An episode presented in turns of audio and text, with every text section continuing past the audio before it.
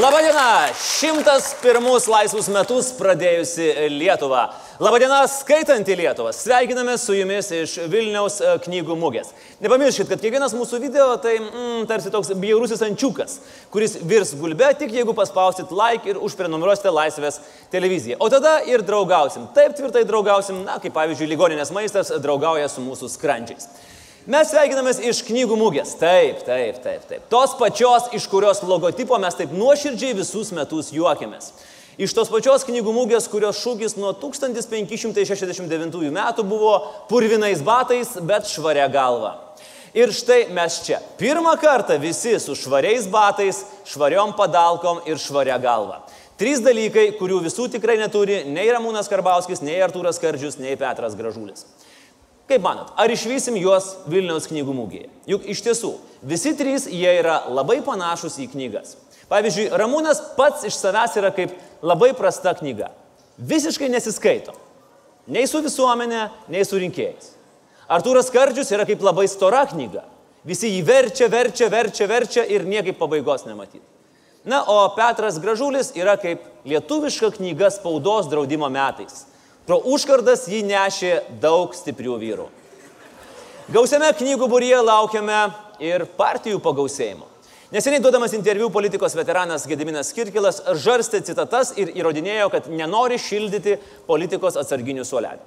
Į naujai steigimą partiją žmonės veržėsi būriais, tikino Gediminas Kirkilas, netgi tokio kalibro politikai kaip Širvintų Živiliukas, Bernatonis Nestukačius, Šedžius paprastasis, Ačas traktoristas ir Daugšys nealkanas. Sakote, visi seniai, sakote, rezervas, sakote, turi tik vos daugiau potencialo negu mūsų slidininkai Pjongčiangė. Jūs neįvertinat lapės kirkilo. Man viskas aišku, jis kaip Hamelno žiūrkininkas ėmė groti fleitą ir žadėdamas naują partiją išsiviliojo visas mūsų politikos šiukšlės iš miestų.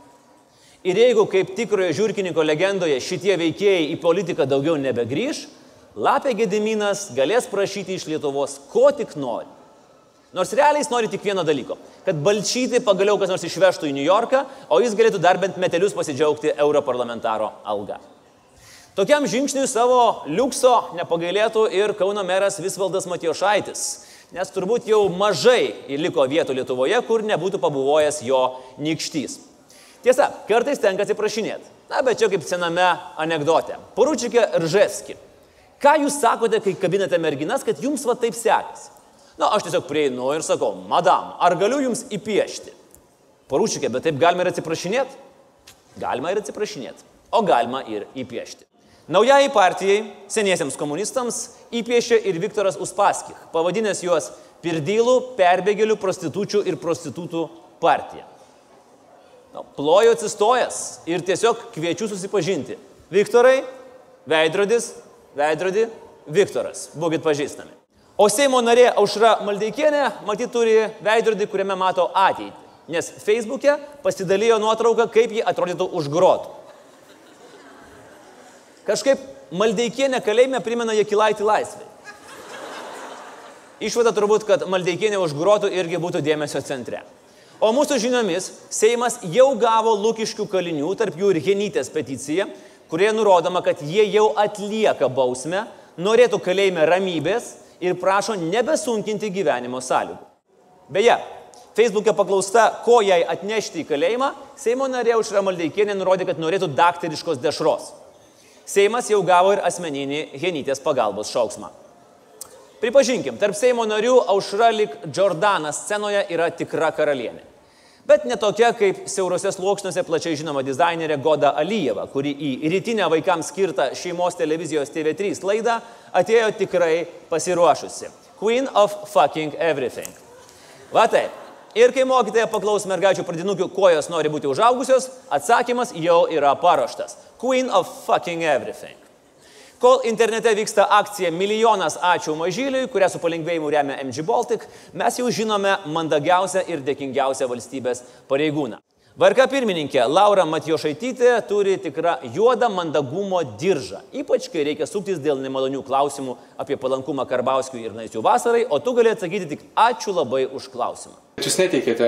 Tai dėkoju iš jūsų klausimus. Bet jūs neatsakėte, kodėl būtent nepakliuvo, kaip tarkim, prasta tvarka, sprendimo projektas svarstymų į posėdį. Tai ačiū labai tada už jūsų klausimus. O nes nesiruošiate atsistatydinti dėl to, kad, na, iš tikrųjų me- metamas įtarimas VRK. Ačiū už jūsų klausimus. Ačiū labai. Jūs neatsakote į klausimus. Dėkui. Lietuva ir toliau kreipiasi į Europą. Gediminas rašė laiškus. Maironis 1904 m. knygų mūgėje pristatė parašytą eilėraštį kelionių gydą apie Šveicariją. Saulė už Alpių leido sutingus varpai liucernos, Dievui aukojo darbus vargingus žmogaus ir gamtos. O po šimto metų Karbauskiui kilo įtarimų dėl darbų vargingų Jogo ir Edmos. Ir jis paprašė Europos kovos su sukčiavimo agentūros įvertinti, ar Jogailos Morkūno įmonė pirmoji kava laikosi ES finansavimo taisyklių. Vargšas, vargšas Jogaila. Ramūnas eina ant jo kaip ordinas ant Jogailos, su visos Europos ryterių pagalba. Bet Jogaila pats kaltas. Negi mane, kad į valdžią atėjus kavos niekada negeriančiam Ramūnui, jam neužklius įmonės pavadinimas pirmoji kava. Kava, Karlai. Ir dar ne bet kokia, o pirmoji.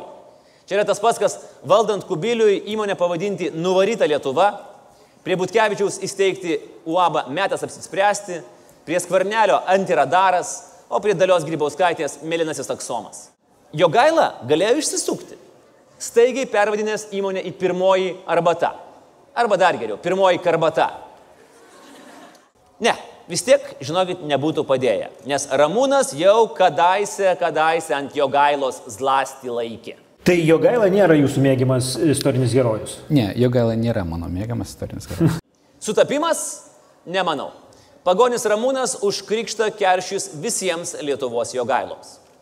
Ar jau galime kalbėti apie knygas? Ne, prarasto laiko nebūna, kaip prašė mano tėtis Laimonas. Ir jis tikriausiai nepyks, jei knygą tokiu pat pavadinimu kitai knygų mūgiai išleis ir žymiausia Lietuvos teta - Neringa. Ir štai, ponės ir ponai, svarbiausia savaitės naujiena. Ką čia savaitės? Metų. Šimtmečio. Teta Neringa Venskienė sulaikyta Čikagoje ir Amerikos pareigūnai ruošiasi ją parsiųsti atgal. Liudai mažylį, slinkis į šoną. Nuo šiol istorijos vadovėliuose minėsime tetos suradimo akto datą. Valstijos ir Donaldas Trumpas be abejo ilgai galvoja, ką padovanot Lietuvai. Iš vienos pusės, na taip, šimtmetis, valstybė NATO sąjungininkė, kas bus Lietuvos priešas, tas taps ir Amerikos priešas. Iš kitos pusės, Trumpas nepamiršo, kaip Lietuva balsavo dėl jo sprendimo pripažinti Jeruzalę Izraelio sostinę. Tai va ir paruošė Trumpas mums idealią dovaną su dvigubu dugnu. Na, nu, žinot, čia tas pats, kas liberalų partijos pirmininkui padovanoti alkoholinio gėrimo dėžutę, kurioje iš tikrųjų būtų alkoholinis gėrimas. Kaip žiauru. Dar žiauriau, jeigu toje dėžutėje iš tikrųjų būtų ir dvigubas dugnas. Atrandi, apsidžiaugi, atidarai, o ten dar vienas mažas tumbra buteliukas. Kažkaip sekasi mums pastaruoju metu. Kiek mes visko daug radom. Vasario 16 nepriklausomybės aktas, sukilimo vadų Sierakausko ir Kalinausko kapai, o dabar dar ir violetinė teltulė. Bet neužmykim ant laurų. Trūksta dar Vytauto didžiojo karūnos ir gintorio kambario. Ir tada viskas. Būsim viską radę, išskyrus darbą Šustauskui ir receptą, kaip aplenkti Estus. Beje, su šimtmečiu mylima Estija. Jausmas trejopas. Iš vienos pusės liūdna, kad nepasitvirtino teorija, jog neringa niekur nepabėgo, o tiesiog sumaniai persirengė ir toliau valdo Lietuvą. Iš kitos pusės džiugu, kad Lietuvos prezidentė teisi, kai sako, kad emigrantai pagaliau grįžta. Tai turbūt čia yra svarbiausia, kad visi nepamirštume ir pasirinktume iki gyvenimo pabaigos savo Lietuvą. Išsilavinę protai grįžta. Tik kviečiu šiuo atveju nekreipti dėmesio, ar išsilavinimas iš tiesų prideda proto. Na, o trečia žinia irgi yra gera. Atsigauna ne tik Kaunas, bet ir Pakaunė. Po žinios apie tetutės sugavimą aukštyn užtelėjo būtų kainos Klonio gatvėje. Už automobilių langų valytuvų vėl kaišėjimus krajutės su užrašais vietų nuoma Klonio gatvės patvoryje. Per booking.com galite rezervuoti vietą palapiniai būdėti prie mergaitės. O kelionio agentūros jau ruošia patrauklius atostogų pasiūlymus būdėti prie mergaitės užsienyje. Ir gerai, Tikrai gerai. Lietuvą kamuojančioje žalioje valstiečių karštinėje pagaliau truputį praskiesim spalvas. Svaiginantį žalę valstiečių absentą pamaišysim su violetinė psichodze. Ir jeigu galvojate, kad toks spalvų žaidimas yra absurdiškas, aš noriu Jums pacituoti pernai gruodį 15 minučių portale spausdintą straipsnį. Apie madą. Šiemet buvusią žalę spalvą keičia provokuojanti masli purpurinė, perteikianti originalumą, išradingumą ir vizijomis paremtą mąstymą. Tai va, grįžta vizijos ir psichotropinės kaldrytės. Ir jaučiu, kad teta neringa ras užtarimą dabartinėje valdžioje. Juk Ramūnas Karbauskis mėgsta padėti blondinėms. Ypač toms, kurios rašo knygas. Ypač toms, kurios yra prie rinkimų. Eh, susibuos klonio gatvė vėl, susibuos kaip senais gerais laikais. Per dieną Garliava surinks 20 tūkstančių parašų už eksteisėją ir štai, ji kandidatė į prezidentus. Taip, tik uspaskikt už vadžių ir vėl iš pradžių. Manėte, kad prezidento rinkimuose isteriškos tėtos vaidmenį atliks Žygis Paviljonis arba Naglis Puteikis? Ne, ponai. Isteriškos tėtos vaidmenį prezidento rinkimuose atliks isteriška teta. Prisiminkit, grįžo valdas Adamkus iš Amerikos, balsavom. Grįžo dalia iš Europos, balsavom. Dabar neringa grįžta ir netgi trijų kryžių kalnas jau žyba violetinė spalva.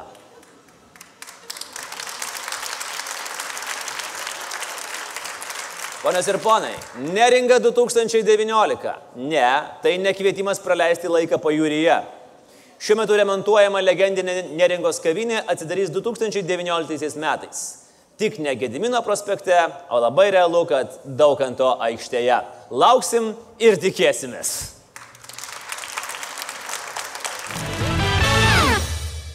Pirmą eilutę. Aš jau nepakeliu minčių apie tave, bet aš nežinojau, kad man padainavus šitą dainą, Katleris man pasakys jausi, kaip gerai, kad užsisakiau klyną. Jeigu, o jeigu aš laimiu, tai tą meilės romaną, kurį parašysi, man bus pirma kopija. Bet aš nežinau, ar spėsiu parašyti. Aš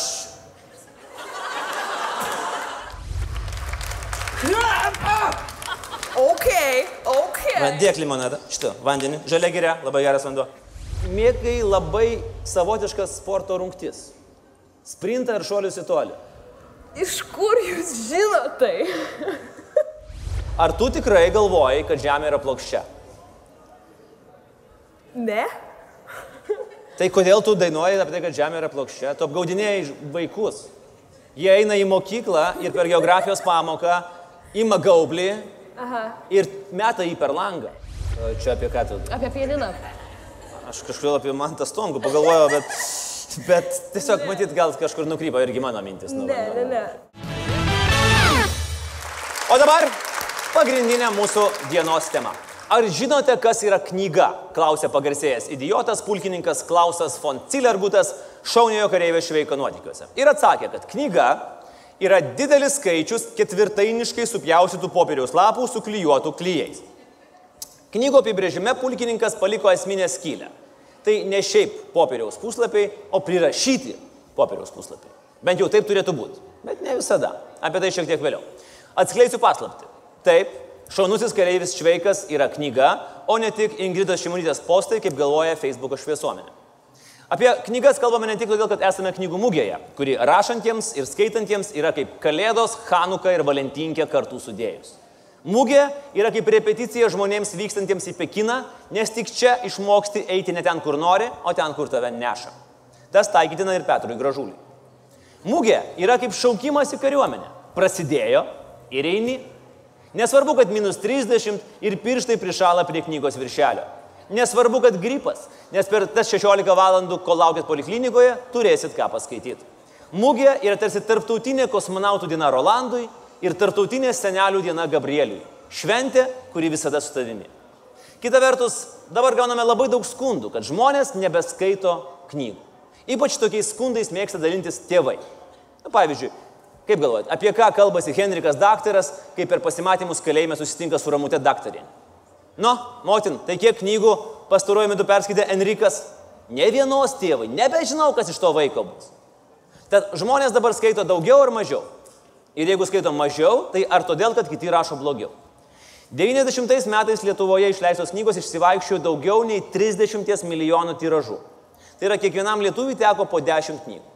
Na, su sąlyga, kad Čekuolis su Puklevičium perskaitė po 1000 knygų, tai po 8. Praėjus 20 metų skaičius sumažėjo 6 kartus - iki 5 milijonų bendro tiražo. Rašančių daugėja, skaitančių mažėja. Knygos išleidimas kartais tampa kaip selfiukas. Pasidarai, pasigroži, o Instagram'e 3 laikai. Tavo paties ir mamos su tečiu. Galėtumėm kaip visada viską suversti emigracijai, bet negi mūsų emigrantai svetur nieko lietuviško nebeskaito. Netik. Grįžę po darbų jie pirmų reikalų atsiverčia į Vaškevičiaus pjesę išvarimas. O po to jau skaito Odisėją, Harka kelias tremtin, Keruako kelyje ir Markeso šimtas metų vienatvės. Na, neslėpkime. Jie visi skaito užkalnį, kad dar kartą įsitikintų, kad jiems tikrai neverta skaityti užkalnį. O ir šiaip, kaip sakė maestro, aš nenoriu lyginti, bet jeigu palyginčiau, tai net pagal didžiausius pesimistus Lietuva paliko tik koks ketvirtadalis gyventojų, o tiražai sumažėjo šešis kartus. Gal žmonės pradeda bijoti knygų? Nes pavyzdžiui, va toks rinkinukas nuo knygos gali atgrasinti net ir prisiekusi bibliofilą. Knygų bijo ir valstybės. Marko Tveno Hekelberio Fino nuotykiai, ko gero, yra daugiausiai kartų cenzuruota ir drausta knyga.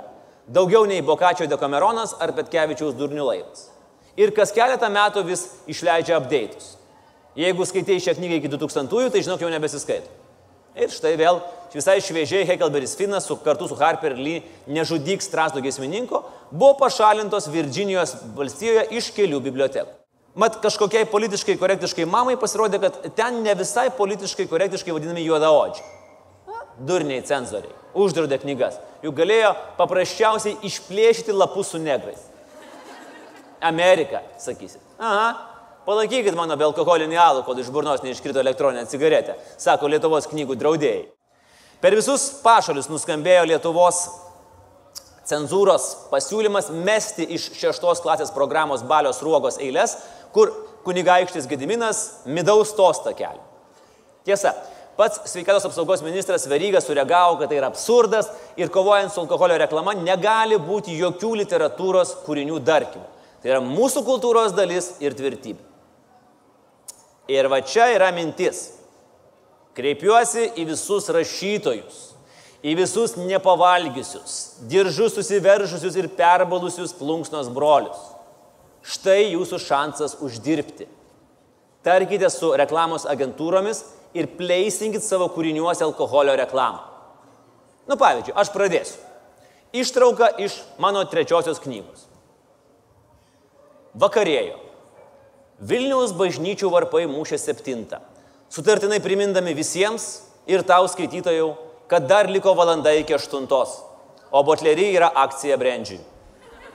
Pahulenkos kavinėse šurmuliavo žmonės, vienas į kito sveikatą, keldami taures su Gato Negro karmenėrė, kuris po šimto metų vinotekoje bus tik už 4,99 eurus. Kiti rinkosi kaip švyturį šviečiantį lietuvišką alų. Koks vienijantis gėrimas įmerkęs usus įputojantį bokalą pastebėjo Nikodemas Tvardauskas. O, šaltas Volfukas, pritardamas sukrenkštė Jonas Basanavičius. Va, prašau, minimum 1000 eurų. Arba tiek, kiek už parduotas knygas uždirba rašytojų sąjungos leidyklos autoriai kartu sudėjus. Nesisuksi, negyvensi. Gerai, o gal menko skaitimo priežastis prastas celebričių, influencerių ir politikų pavyzdys? Juk jau turėjom valdžią, kai į knygų mugę atvykę premjeras ir Seimo pirmininkė dairydavosi aplink išplėstom akim ir klausdavo aplinkinių, kas šitie daiktai spalvotais viršeliais. Dabartinė valdžia, aišku, labiau prie knygos. Ir skaito, ir rašo, ir leidžia spausdintą žodį. Dabar jau nebeaišku, kada buvo geriau. Geriausias pavyzdys yra Donaldas Trumpas. Oficialiai tai yra žmogus, kuris parašė daugiau knygų negu perskaitė. Rimtai, jo pavardė yra ant 19 viršelių. O kai jo paklausė, kokią knygą jis skaitė, sugebėjo prisiminti tik remarko vakarų fronte nieko naujo. Ir knygų jis nebeskaito, nes tipo nieko nespėja. Favorite book, other than the Bible or The Art of the Deal?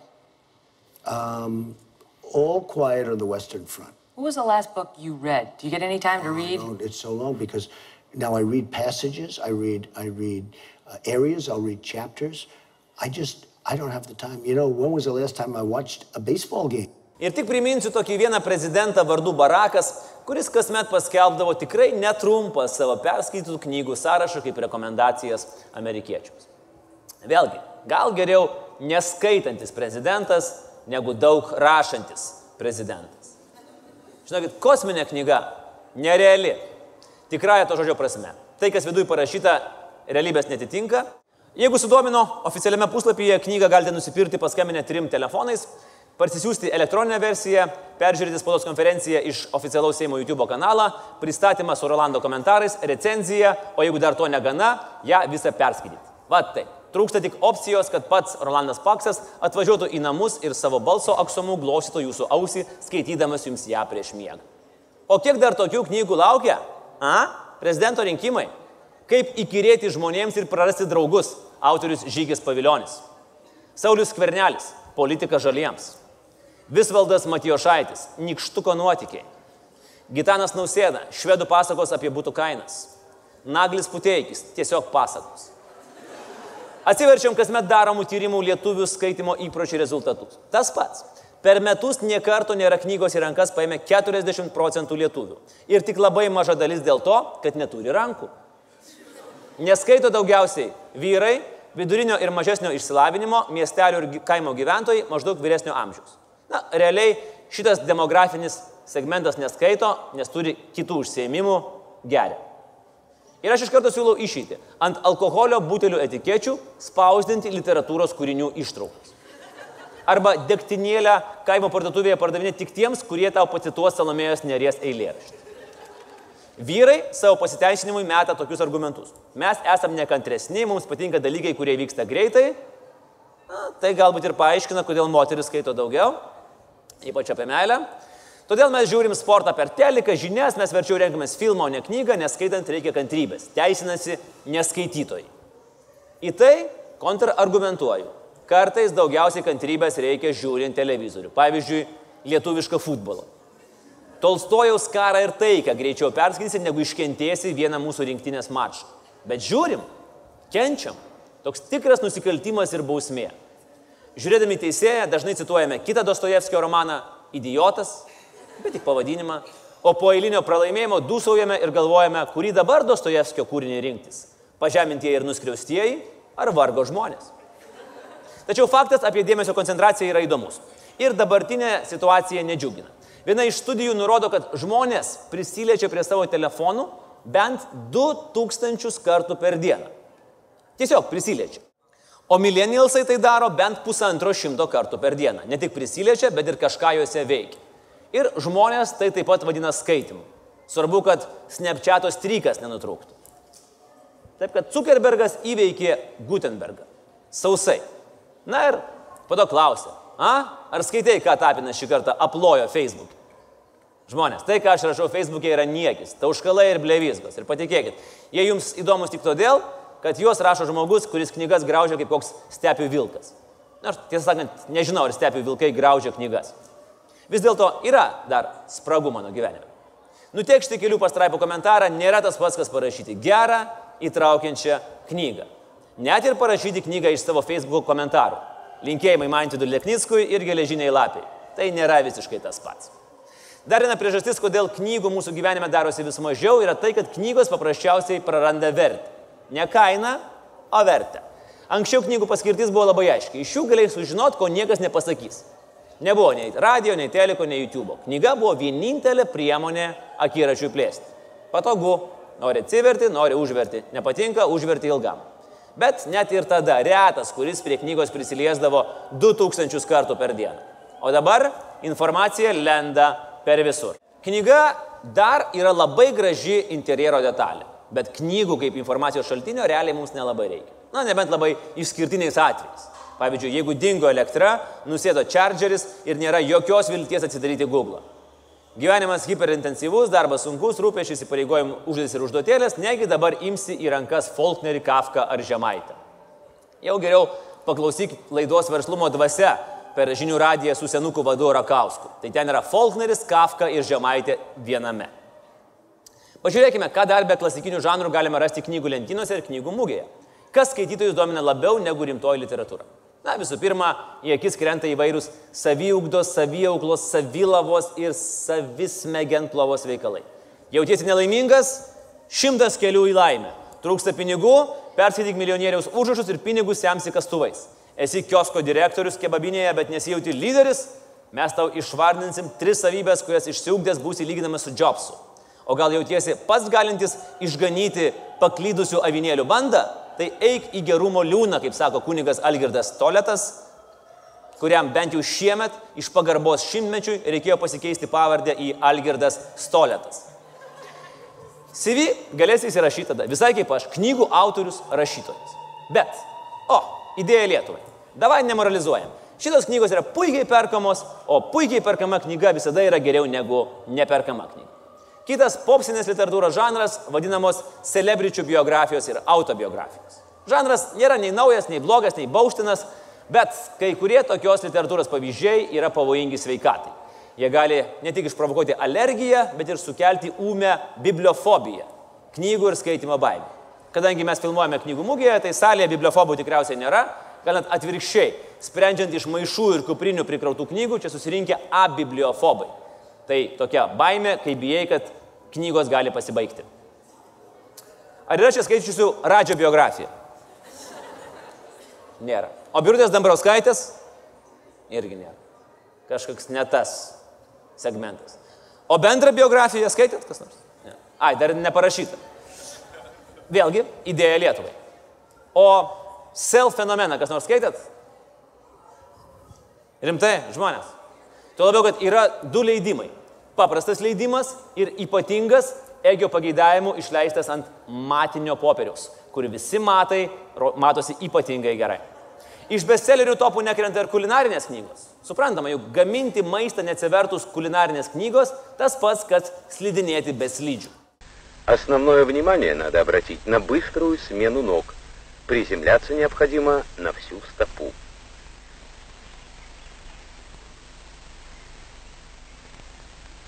Kvalifikacijos čia irgi didelės nereikia. Jeigu moki iškepti kiaušinienę nesudeginęs namų, jau gali rašyti kulinarinę knygą. Kitai knygų mūgiai aš irgi būsiu pasiruošęs. Net jau ir viršelį turiu. Pačirškinkim ten. Regis, jau visi bestsellerių žanrai išsemti. Ne. Argi šiais laikais žmonės dar turi laiko gadinti sakys ir skaityti ten tas raides kažkokias nesamoningas. Mažas, skauda po to akis. Ne, aš žinau, ko jiems reikia. Ir šių metų knygų mūgėje aš pristačiau savo naująjį bestsellerį. Knygą užrašams. Tai yra pati teisingiausia knyga pasaulyje. Kitos knygos klaidina. Įsivaizduokite, pavyzdžiui, dažytoje įsigijusi knygą 50 pilkų atspalvių, kuris galvoja, kad jam tikrai padės pasirinkti atspalvius namo dažybai.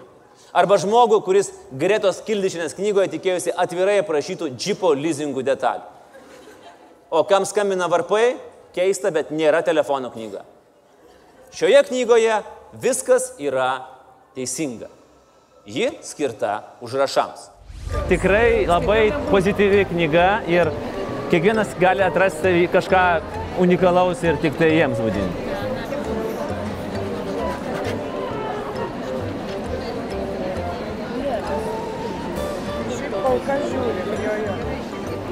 Prašau. Taip, būtinai. Taisom žiūrėt. Va. Gerai. Va. Štai.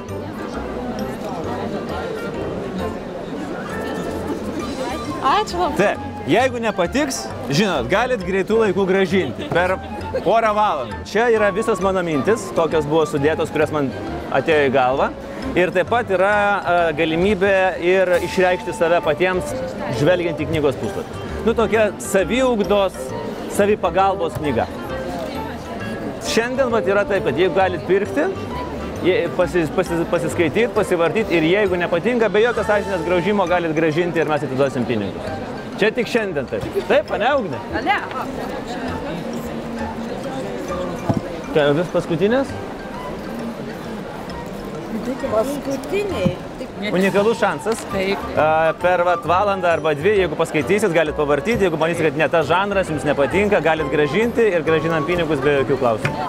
Čia jokių kitų leidykla taip nepasiūlys. Viskas. Baigtas balius. Tiražo nebeliko. Viskas, visas, visas tiražas išėjo. Ir pirmasis knygos tiražas mūgėje buvo parduotas dar nesibaigus penktadienį. Matot, kaip lengva parašyti ir parduoti knygą. Realiai nereikia net rašyti. Tik pinigus paimti. O tiražai buvo dideli. Beje, visi pinigai gauti už mano naują knygą užrašams bus skirti padėti kuriam nors mažo miestelio vaikų dienos centrui, nes jiems pinigų tikrai yra trūksta. Tad ačiū pirkusiems ir visos jūsų mintis bus čia. O jeigu rimtai nutarėte sukurti knygą su šiek tiek daugiau žodžių nei maname bestselleryje, kas jūsų laukia? Su savo knygos rankrašiu keliaujate į leidyklą, tekstas tobulas, net nereikia redaguoti, tik neapsisprendžiat, kur keliausit atostogauti už gautą honorarą - į Bahamus ar į Maldyvus. O tada smogia realybė. Leidėjas, kokia nors Tito Alba ar vadinamai Jodoji imperija Alma Litera, neskaitęs išrėžia. Niekam tu nežinomas, tavo knygoje nieko nėra apie seksą, politiką ir receptus, tekstas neblogas, bet esi naunėjimas, duosim 200 eurų. Tada supranti, kad net naisiuose atostogams neužteks. Tai čia dar gerasis variantas. Dažniau tos 200 eurų dar pasiūlys susimokėti pačiam už privilegiją. Belieka galimybė pačiam leisti savo knygą. Na, paskaičiuokim, kiek jums kainuotų išleisti savo knygą. Kriterijai - knyga paprasta, be iliustracijų, kietų viršelių, nu, koks 150 puslapių ir spausdinti 1000 egzempliorių. Nu, galima ir 30 tūkstančių. Bet primenu, knygą leidžiate pats, be agro koncerno pagalbos. Tai apsistokim ties tūkstančių. Tokios knygos spausdinimas kainuos nuo 1200 iki 1500 eurų, dar reikia sumokėti maketuotojui ir redaktoriui po kokius 500. Taigi už tai, kad jūsų potencialus bestselleris ir būsimas šedevras išvystų dienos šviesą, jums gali tekti pakloti 2,5 tūkstančio nuo savų eurų. Nesmagu, bet turim išeitį. Lenkija. Kadangi rašydamas knygų turtų nesusikrausit, teks važiuoti į Lenkiją apsipirkti. Ir jeigu jau važiuojat pigesnės dešros ir sviesto, tai tą progą galite ir pasilenkus ksionšką atsispausdinti. Patariu, suvalkose, pravažiuoji Kauflandą, Bedronką, už Lidlo kairiau, tada link Punsko ir Punskė veikia lietuviška knygų leidikla Aušra. Ir į tą pačią knygą jums gali atspausdinti bent keliais šimtais eurų, o gal ir daugiau pigiau. Tai ir patriotų pabūsit, tautiečius paremsit, ir šaldytai mėsai daugiau liks, ir be to, Hebra, spausdintis aušroje, tai yra lygis. Jūs jau beveik Basanavičius. Žinoma, knygą galima išsileisti ir elektroniniu būdu, ir beveik visiškai nemokamai, ir netgi į užsienio knygynus įdėti, bet būkime realistai. Didesnė tikimybė, kad Karbauskis prie čerkos užsirūkys, negu kad jūsų knygą skaitys. Natūralus klausimas. O tai Lietuvoje yra rašytojų išgyvenančių iš knygų rašymų? Be va šito tipo. Dabar, kadangi mažai perka, pragyventi iš rašymų jau negalima. Su pačiam, tik, čia koliu ir Nu, negalima. man, jau. man aš dar galiu, bet, bet, bet, bet visi kiti jau negali. Nenumirsi iš kuklumo mūsų maestro. Mes bandėm aiškintis. Pasiskambinom į rašytojų sąjungą, atsiliepė nieko apie kainodarą ir marketingą neišmanantis balsas iš 20-ojo amžiaus antros pusės. Pasiskambinom į literatūros institutą, leidžiantį knygas 500 egzempliorių, nors realiai reiktų po 50. Pasiskaitėm internete ir atsakymas nėra. Išskyrus jį. Net ir garsiausi ir sėkmingiausi Lietuvos rašytojai darbuojasi ne tik prie knygų. Verčia, redaguoja, rašo straipsnius ar komentarus portalams. Nors yra įvairių būdų savo knygai parduoti. Štai neseniai, pavyzdžiui, išleista didelio atgarsio sulaukusi Michaelo Wolfo knyga apie Trumpo administraciją Fire and Fury labai pagerino kito rašytojo Randalo Hansono knygos pardavimus, nes jis irgi parašė knygą Fire and Fury tik apie sąjungininkų bombardavimus Vokietijoje. Taigi patarimas, jeigu rašote knygą apie politiką, nu, pavyzdžiui, darbo partijos istoriją, nevadinkit jos Valentino keliai beieškant darbo. Geriau pavadinkit Beatos Valentino dienos receptą. O kaip tada viską pirks? Kaip tapti žinomu autoriumi Lietuvoje ir kalti babkės iš knygų? Laisvės TV receptas. Išspausinkit knygą ant pigiausio perdirbto popieriaus, kur nors Lenkijoje, bus pigiau ir galėsit meluoti, kad gamta rūpinatės. Tekstas nesvarbu, ją viską apli, apviniokit aplink riebę keulę, ant šono užrašykit mūsų valdžia, pasidarykit kelis selfius ir įkelkit į Facebooką. Tada viską nufilmuokit ir pakvieskit žurnalistus iš Sputnik. O tada ir prasidės pinigai.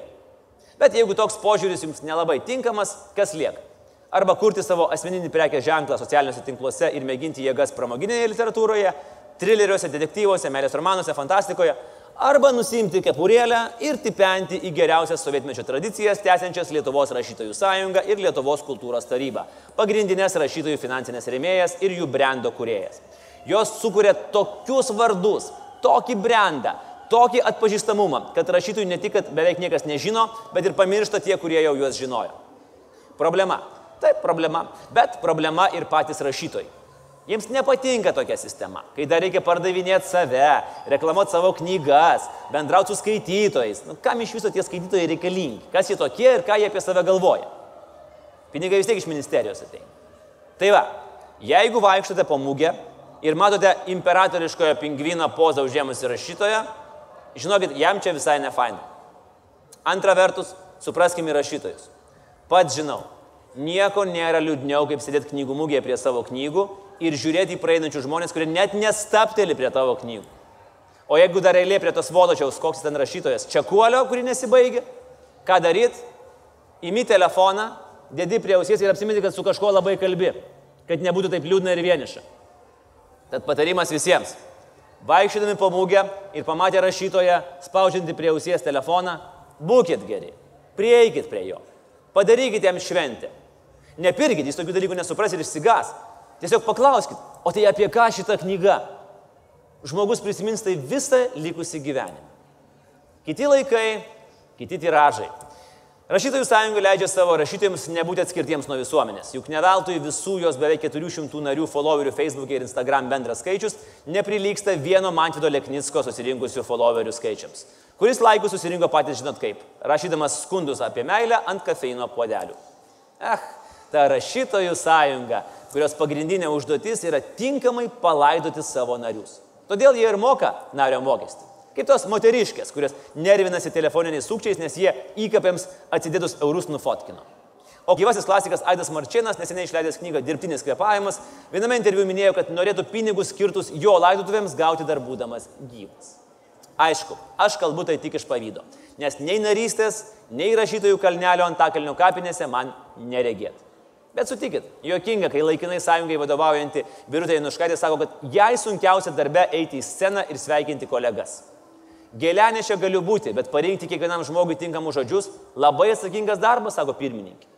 Na nu, čia būtų tas pats, kas, jeigu taksistas pasakytų, bendrauti su žmonėm aš galiu, bet tą dešinį posūkį rodyti man labai atsakingas darbas. Tark kitko, ir rašytojų sąjunga, ir Seimas turi nemažai panašumų. Trumpinys tas pats LRS. Rezultatai darbo irgi panašus, bet skirtumas didelis. Jeigu Seimo priimtų įstatymų niekas nepaskaito iki tol, kol savo kailių nepatiria, kad priimta nesąmonė, Tai rašytojų sąjungos narių kūrybos nelabai kas skaito, net ir po to, kai supranta, kad parašyta nesąmonė. Ir dar, LRS nariams negalioja pats geriausias visų laikų patarimas. Ir visiems, kurie įsivaizduoja esantis literatūros apaštalai, kuriejų kuriejai ir tiesioginiai Homero, Šekspyro ir Hemingvėjus įpėdiniai. Jei gali nerašyti, nerašyk. Atsiras, kas ir be tavęs kažką parašys, o tu gali nuveikti kažką iš tiesų naudingo nuginėti agrastus, numėgsti šaliką ar sukalti inkilą. Bet jeigu vidinio grafomano nugalėti nepavyko ir prieš akis netikėtai nusidrėkė 200 puslapių šviežiai išspausto teksto, turėkite omeny, kad dar liko dvi mažytės problemos - pavadinimas ir viršelis. Kaip sugalvot gerą pavadinimą? Pasidalinsiu geriausiais rastais patarimais. Knygos pavadinimas turi patraukti dėmesį, būti įsimintinas, informatyvus, lengvai ištariamas ir nekeliantis gėdos. Nu, žodžiu, tikrai vat, netoks. Taip, labai svarbu. Jūsų knygos pavadinimas neturi kelti gėdos. Jeigu gėda kels jūsų knygos turinys, aišku, nuo fiasko ir pavadinimas neišgelbės. Įsivaizduojat, ateinat pas draugus ir klausėt, na, kaip jums mano nauja knyga, o draugai šypsot ir sako, labai gera ir naudinga. Ir tuo pačiu nutyli, kad gera ir naudinga, todėl kad pakišus paskalbenkę pagaliau pastaroji nustojo bildėti. Viršeliui galioja daugmaž tos pačios taisyklės kaip ir pavadinimui. Ypač tas gėdos punktas. Žodžiu, jei parašėt knygą apie raganių Geraltą, nereikėtų ant viršelio dėti Konano Barbaro. O jeigu parašėt knygą apie politiką ir krepšinį, galbūt nereikėtų ant knygos viršelio dėti savęs, turbūt vartančio savo paties knygą. Bet mūsų patarimai politikams ir celebričiams negalioja. Jie rašo ir rašys. Nebejoju, kad kada nors pasirodys ir tokie bestselleriai kaip Aurelijaus Verygos Ruginukė prie bedugnės, Juozas Atkevičiaus 50 vatos atspalvių, Eligijaus Masiulio altorių šešėlinis, Lino balsio greiti ir įsiurbę, Karbauskio be alkoholinio sidro namų taisyklės, Jono Vaitkaus kliudžiau, enciklopedinis emigracijos žinynas, sodybų tuštėjimo metas. Vardinčiau ir vardinčiau. Biliūnai, traukį su savo kliudžiau. Dabar yra paksas, tapšnojau. Masiulis, ėmiau. Landsbergis, draskiau. Pirmoji Pitreninės knyga buvo Baigit nemanau. Netrukus kitoje mūgėje bus pristatytas ilgai lauktas tesinys. Nemaniau, bet baigiau. Ačiū, kad buvote su mumis ir palaikote mūsų laidą, kurios scenarijų rašo vargšai rašytojai, negalintys išgyventi iš savo leidžiamų knygų. Ir tai yra labai gerai, nes kaip kitaip mes rastume darbuotojus. Ir vis dėlto, esant čia knygų atlaiduose, norisi paklausti, ar knyga išliks, ar ateityje taps kažkuo kitu. Kaip ją vadinsim, kai tai bus turinis vaizdas, kurį galėsim čiupinėti, uosti, judinti ir gal net jame dalyvauti.